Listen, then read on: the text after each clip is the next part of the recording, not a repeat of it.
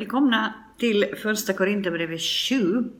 Vi har kommit nästan halvvägs i första Korinthierbrevet och um, det är nyttigt, åtminstone för mig själv, men jag tror också att det är nyttigt för vem som helst av oss att läsa Bibeln i dess helhet, inte bara läsa älsklingsverser, utan läsa helheten för att få en bättre bild av det som Bibeln innehåller och eh, de ämnen som talas om där.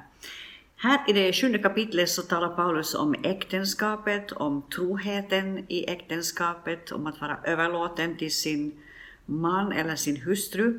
Eh, han talar också om eh, hur det är att vara gift med någon som inte tror och vad man behöver tänka på då. Han talar om kallelsen äh, om att liksom stå kvar i den ställning som man just nu har därför att tiden är kort och det här temat att tiden är kort är någonting som återkommer genom hela Nya Testamentet och som präglar urkyrkan väldigt mycket.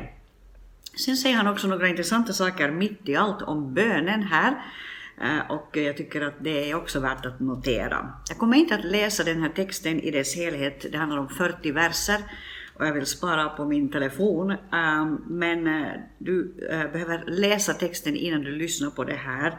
Eh, därför att jag hoppar lite i den och jag kommer inte att kommentera precis allt som finns här därför att det är så jättemycket utan jag har valt några saker. Ehm, och då går vi till början där Paulus då börjar med att tala om äktenskapligt samliv. Han säger att det först nog skulle vara bäst så att man inte alls överhuvudtaget gifter sig.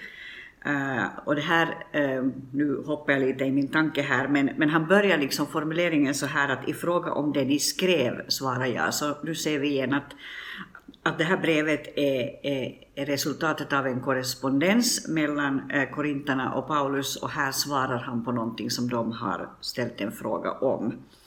Han säger så här att det är visserligen bäst för en man att inte röra en kvinna, men för att undvika otuktssynder ska varje man ha sin hustru och eh, varje hustru sin man. Och så säger han att mannen ska ge sin hustru vad han är skyldig, eh, skyldig henne och på samma sätt ska hustrun ge honom det hon är skyldig honom. Och så säger han att hustrun bestämmer inte över sin kropp eh, och mannen bestämmer inte över sin kropp utan eh, de bestämmer så att säga över varandras kroppar.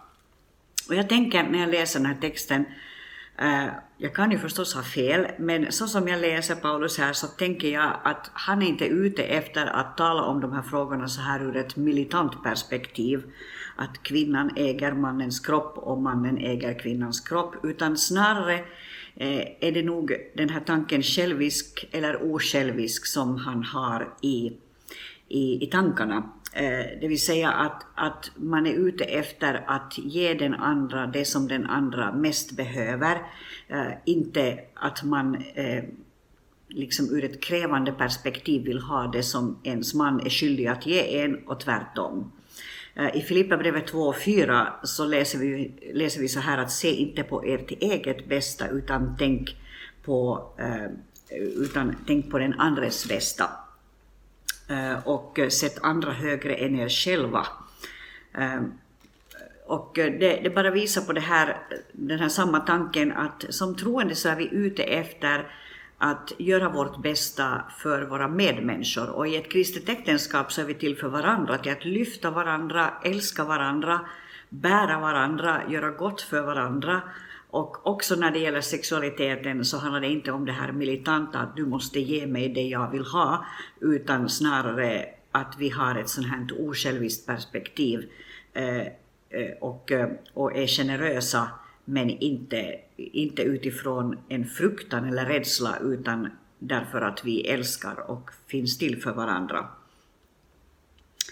Ehm, och eh, jag ska läsa några andra texter som inte handlar om sexualitet men som handlar om den här, det här osjälviska perspektivet eh, i, i i Jakobsbrevet 3 och 16 eh, så, så talar Jakob mot den här avundsjukan och det här stridsperspektivet som lätt också kan hamna, eller som kan bli en del av våra relationer och kanske till och med också i ett äktenskap. Och, och där är han noga med att, eh, att understryka att det inte är så som vi ska närma oss varandra. Jag läser från Jakobsbrevets tredje kapitel och eh, sextonde vers där det står så här.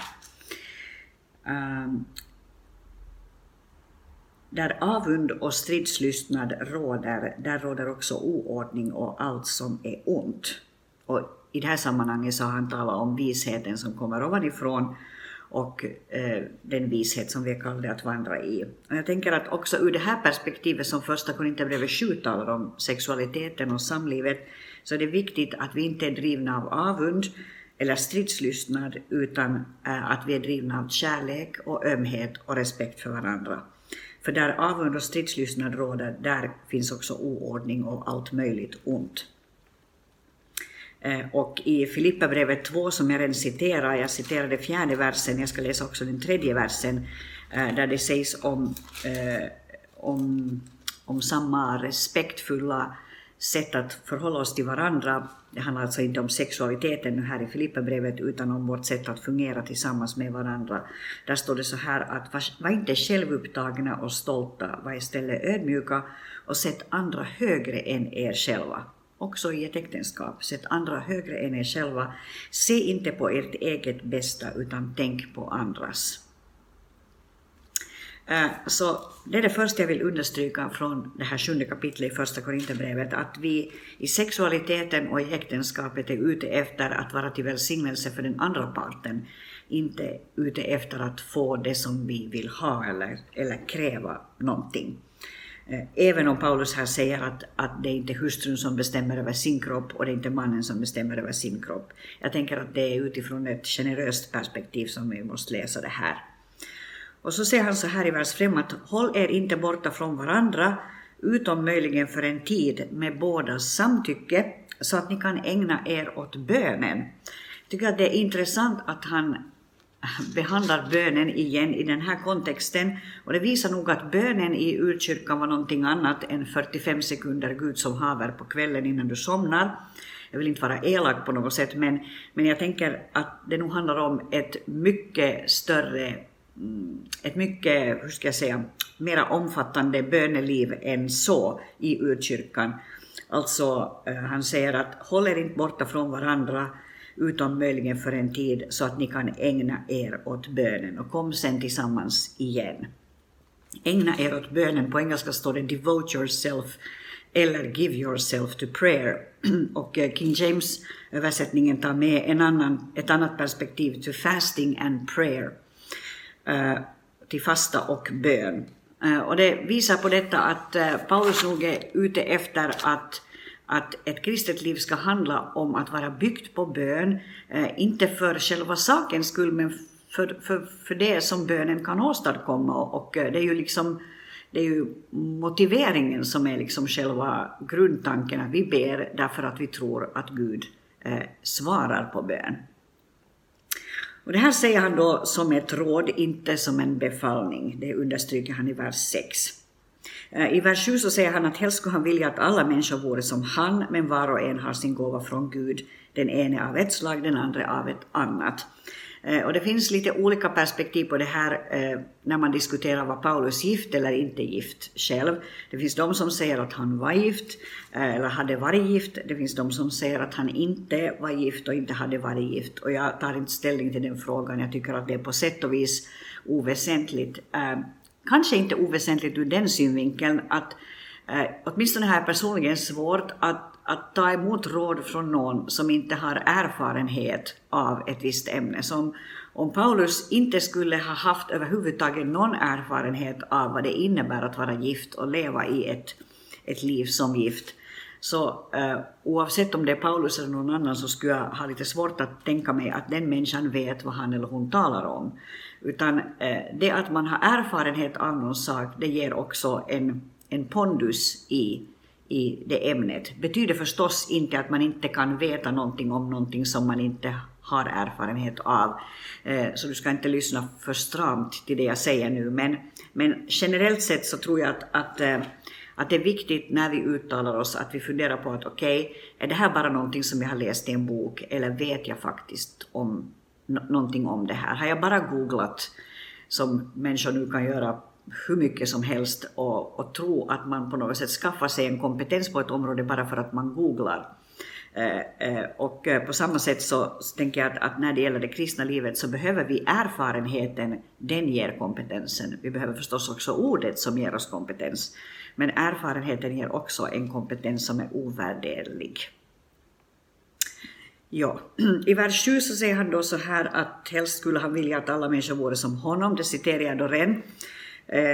I Matteus 19, 12 så finns ett intressant perspektiv kring det här med gift och ogift. Jag ska läsa det bara för att du ska få det med och se vad Jesus säger. Och det är en text som jag egentligen inte kan kommentera så mycket själv, därför att jag inte förstår allt i det. Men det står så här att det finns de som inte kan gifta sig därför att de är födda sådana, som inte har kapaciteten, som kanske inte har viljan, som inte har längtan, eh, förmågan.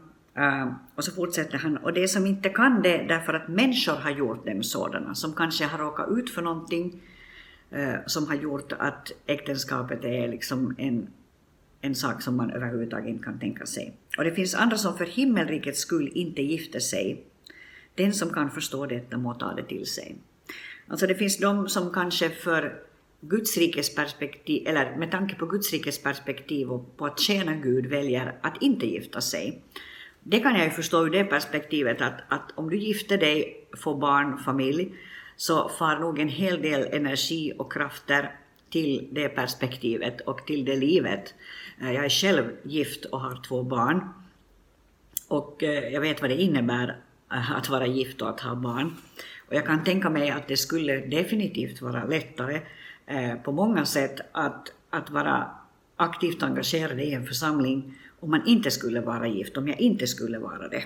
Samtidigt är jag jättetacksam för att få vara gift och för att få ha barn, så det är ingenting jag ångrar på det sättet, men, men det finns nog ett perspektiv i det här att det kan, det, det kan finnas mera tid, mera krafter, mera energi, eh, en större frihet. Eh, jag tänker på den här Bruce Olsson som drog iväg, eh, han är numera hemma hos Herren, men en, en man som Eh, som drog iväg till eh, Motilone-indianerna i Sydamerika eh, någon gång på 70-talet. Eh, ja, det kan mycket väl hända att det inte finns någon kvinna som skulle ha velat dra iväg på den resan som han gjorde.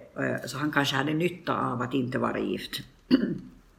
Men men anyway, om vi går tillbaka till första Korinthierbrevet 7 så säger Paulus alltså så här där i den här versen som jag nu då har citerat tre gånger tror jag snart. Han säger att helst skulle jag vilja att alla vore som jag, men var och en har sin gåva från Gud. Och eh, det är kanske också är ett uttryck för att det kan vara en gåva från Gud detta att man inte vill gifta sig eh, och inte, eller inte kan gifta sig. Det behöver inte ses som något negativt utan det kan också ses som något positivt. Därmed inte sagt att jag inte skulle förstå de som längtar efter att få gifta sig, att hitta någon att gifta sig och det är också någonting som vi verkligen behöver be mycket för, att människor inte ska behöva vandra i ensamhet, därför att vi är ju inte skapade till att vara ensamma. Redan i första början så skapar Gud människan, eh, inte för att eh, hur ska jag säga, av den enkla anledningen att, att det inte är bra för henne att, att vara ensam, utan han ser till eh, Adams behov och så skapar han en Eva i hans liv. Ja, eh, och eh, sen eh, när vi kommer till vers 10, där säger han så här att de gifta ger jag en befallning som inte är min utan Herrens, en hustru får inte skilja sig från sin man. Skiljer hon sig ska hon förbli ogift eller försona sig med sin man och en man får inte överge sin hustru. Igen är det här kärleksperspektivet den drivande faktorn här, så läser jag texten i alla fall, att en man får inte överge sin hustru, en hustru får inte heller överge sin man. Eh, hon får inte skilja sig från sin man. Alltså det är kärleken och hjärtat för varandra som driver oss i ett kristet äktenskap. Och här i mina papper så har jag Matteus 5.32 som jag tänker läsa. Jag minns inte ens vad det stod där, men jag ska läsa det för er eftersom jag har plockat fram det. Eh, det står så här att jag säger er, och det här är alltså Jesus i bergspredikan, var och en som skiljer sig från sin hustru av något annat skäl än otukt, han blir orsak till äktenskapsbrott, till att äktenskapsbrott begås med henne, och den som gifter sig med en frånskild kvinna begår äktenskapsbrott. Ja, det var hans perspektiv. I Malaki 2 och 16 så finns ett som jag skulle vilja formulera, ett vackert ord om hur Gud hatar skilsmässa. I Malaki 2.16 står det ”Jag hatar skilsmässa, säger Herren Israels Gud, och att man höljer sig i våld som i en klädnad, säger Herren Sebaot. Så ta vård om er ande och handla inte trolöst.” Så igen tänker jag att när Gud talar om skilsmässa så är det liksom inte ur det här eh, domderande, pers hårda perspektivet utan tvärtom, det är hans faders hjärta, det är hans hjärta för oss som säger att han hatar skilsmässa därför att han vet vilken smärta det innebär. Eh, han säger ta vård om er ande och handla inte trolöst. Alltså sköt om ert inre, sköt om er inre människa, sköt om era relationer, sköt om era äktenskapsrelationer handla inte trolöst mot varandra. All right. Hoppar jag lite, jag hoppar vidare till äh, vers ähm, äh, 12. Till de andra säger jag inte Herren, alltså nu är det han själv som talar. Så här skiljer han lite ibland på det som han menar att det är ett ord från Gud och det, och det som är ett ord från honom själv. Om en broder har en hustru som inte är troende och hon är villig att leva med honom så får han inte överge henne. Och tvärtom, om en hustru har en man som inte är troende och han är villig att leva med henne så får hon inte överge honom.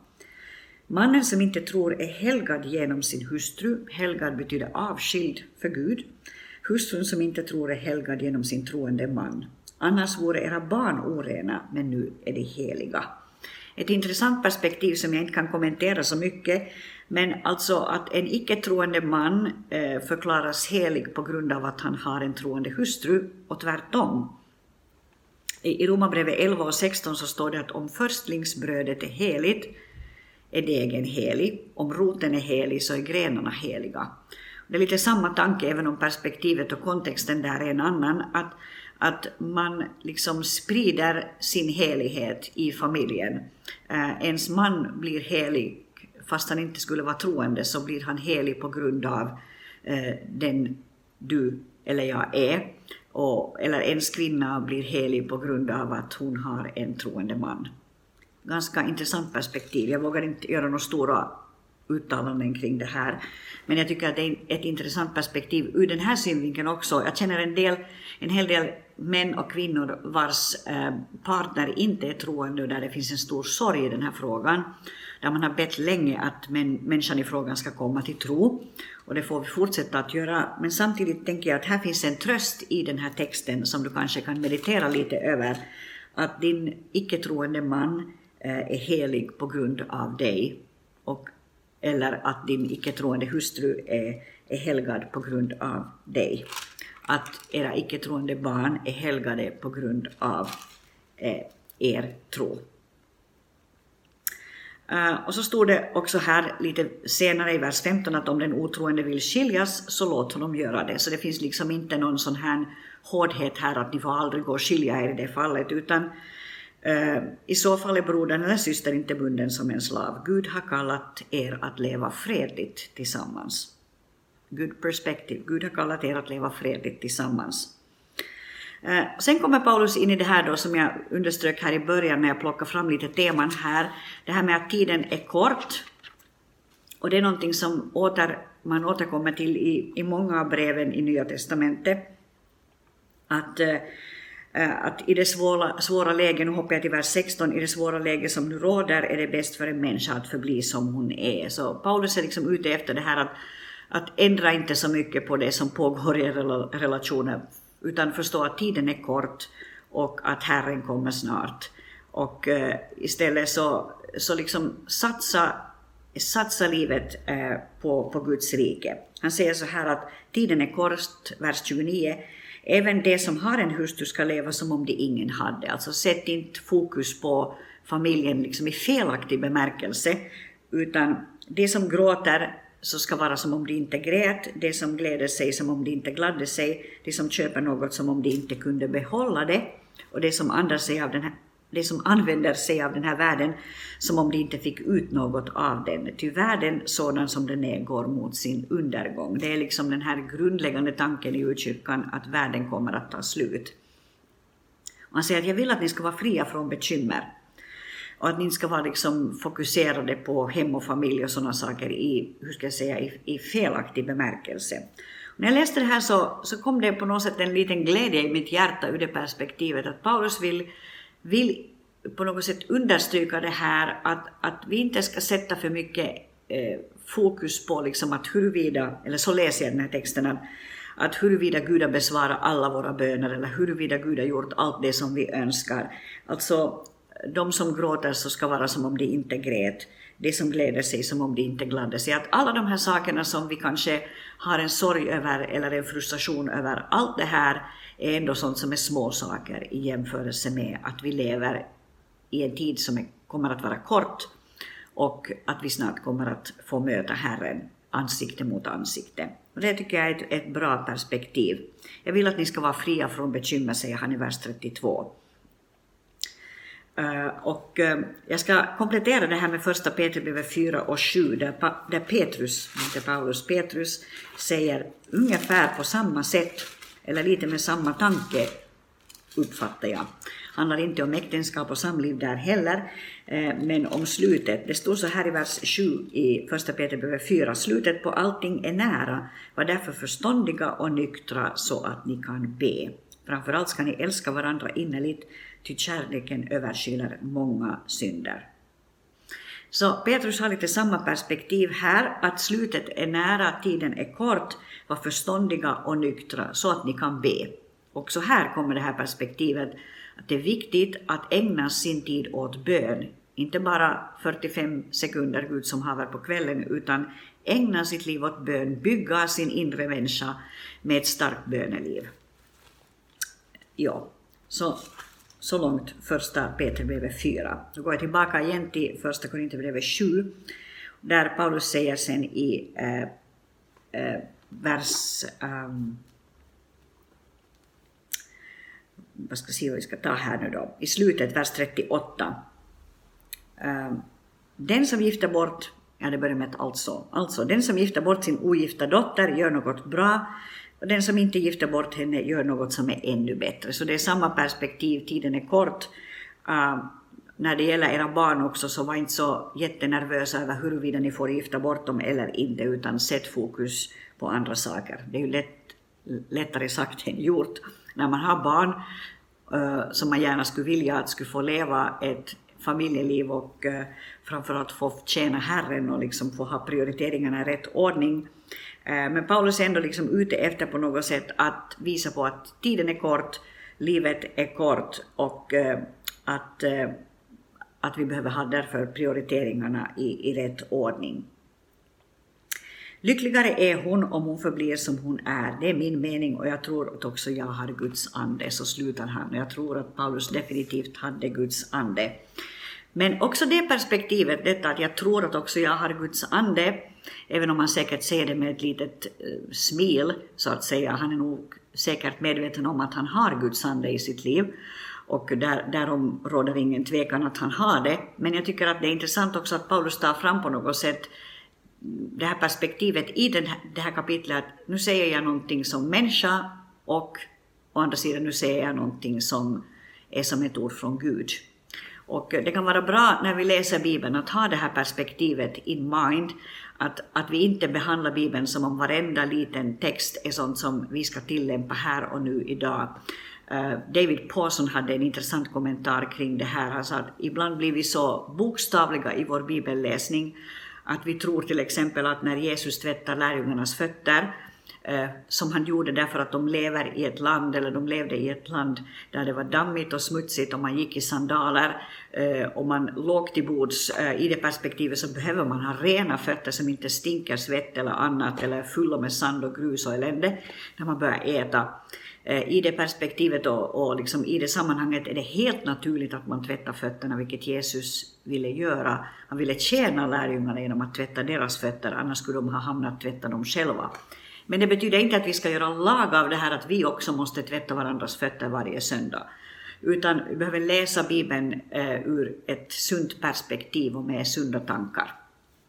Men det är ett helt ämne för sig. Nu ska jag avsluta här, 24 minuter har gått. Jag vill önska dig en jättefin vecka. Vi ses igen förhoppningsvis om en vecka och då läser vi första Korinthierbrevet 8.